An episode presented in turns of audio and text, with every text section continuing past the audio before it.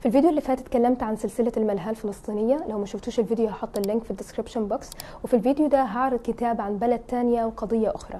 هنتكلم عن المكسيك وقضية المهاجرين. في 2017 مسلسل ناركوس اعتبر من أكثر المسلسلات مشاهدة على نتفليكس. لو ما شفتوش المسلسل فالمسلسل من ثلاث مواسم الموسمين الأول والثاني بيتكلموا عن حروب الكوكايين في كولومبيا في الثمانينات وبيتناولوا حياة the Colombian drug lord بابلو اسكوبار في الموسم الثالث من المسلسل بنشوف التحالف اللي بيحصل بين ال cartels في كولومبيا وأشهر كارتيل في المكسيك وقتها وبيركز المسلسل على انه يوري قوة ال cartels وسيطرتهم الأمنية وجرائمهم البشعة تجاه بعضهم البعض وتجاه الشعب وفعليا أي حد كان بيقف في وشهم.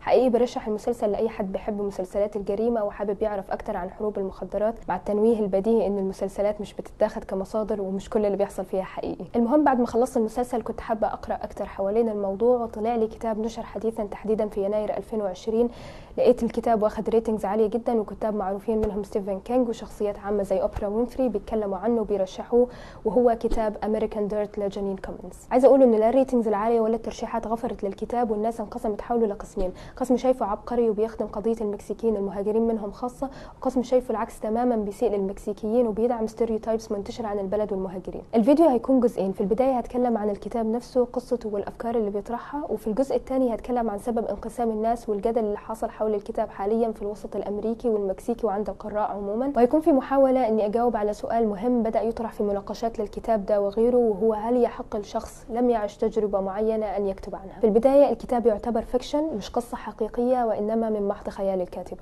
الكتاب بيحكي قصة ليندا امرأة مكسيكية وابنها لوكا اللي عنده 8 سنوات واللي فجأة بيضطروا يهربوا بحياتهم من المكسيك بعد ما كارتيل بترتكب مجزرة في حق عائلتهم وبتقتل 13 فرد منها لأسباب مش هحرقها عليكم. وبنتابع هروب ليندا ولوكا من أكابولكو واللي تعتبر في الحقيقة من أخطر المدن المكسيكية وبيسلكوا نفس الطريق اللي بيسلكها المهاجرين وبنشوف الصعوبات اللي بتواجههم علشان يوصلوا إلى أمريكا أرض الحرية. طيب فين المشكلة؟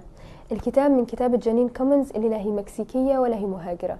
برضه فين المشكلة؟ في كتاب كتير كتبوا عن شعوب تانية وتجارب مع شوهاش وكانوا الصوت للفئات دي وبالعكس لاقوا تقدير كبير لعملهم. في مشكلتين حقيقي بيخصوا العمل ده بالذات. واحد انه في كتاب من المكسيكيين المهاجرين بينتجوا أعمال عن قصصهم وتجاربهم ولكنها بتترفض من نفس دور النشر اللي قبلت امريكان ديرت للعلم 18% من سكان أمريكا من أصول مكسيكية بيحاولوا يكتبوا ولكن 3% فقط من مجموع الأعمال اللي بتنشر في أمريكا لكتاب من أصل إسباني.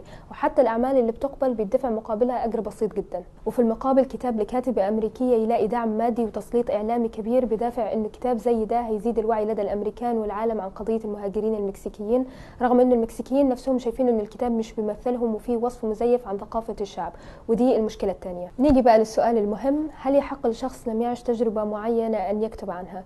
الجواب من وجهة نظري نعم وأظنه جواب بديهي.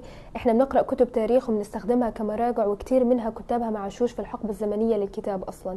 وبنقرأ روايات عن أمم وشعوب وتجارب ما عاشهاش الراوي ودي الفكرة الأساسية اللي مبني عليها مجالات كتير زي الصحافة مثلا وده لأنه في فئات محتاجة اللي يكتب عنها وتجارب وأحداث لازم تتوثق. حتى لو اتكتب عنها من أهل التجربة نفسهم إيه المانع من إنه يكون في كتاب واثنين وثلاثة بيتكلموا عن نفس الموضوع بس من زوايا وعدسات مختلفة؟ أنا شايفة إنه من حق أي حد يكتب عن أي شيء يختاره ولكن لكن كبيرة على الكاتب إنه يبحث وينقب ويجيب مصادر صحيحة وكافية تخليه ملم بشكل كامل عن الموضوع اللي حابب يكتب عنه ويكتب الحقيقة وتكون كتابته بتحترم عقل القارئ والأهم من كده إن هي تكون بتحترم الفئة أو التجربة اللي بيكتب عنها. تقييمي للكتاب ده مبني على معيارين اثنين الأول الكتاب كلغة وأسلوب وعناصر أدبية والمعيار الثاني الكتاب كقصة ومحتوى بتعكس تجربة إنسانية. المعيار الأول في نظري تحقق في الكتاب بمستوى جيد جدا لغة جنين الأدبية حلوة الكتاب مشوق والقارئ بتابع الأحداث باستمتاع. والمعيار الثاني مقبول لكل الأسباب اللي ذكرتها في الفيديو ولذلك أدي الكتاب ثلاث نجوم. دلوقتي وصلنا لآخر التقييم ويمكن بعضكم بيتساءل طيب هل المفترض أقرأ كتاب زي ده؟ حقيقي الجواب بيعتمد على كل واحد. شخصيا مش بمانع إني أقرأ كتب عليها جدل طالما ما فيش إجماع إن هي مش هتفيدني. ولكن خليكم حريصين لو هتقرأوا الكتاب إنكم تدوروا على كتب تانية بتتكلم على نفس الموضوع. هحاول أحط لكم ترشيحات لكتاب تانيين في ال description box يبقى شوفوها.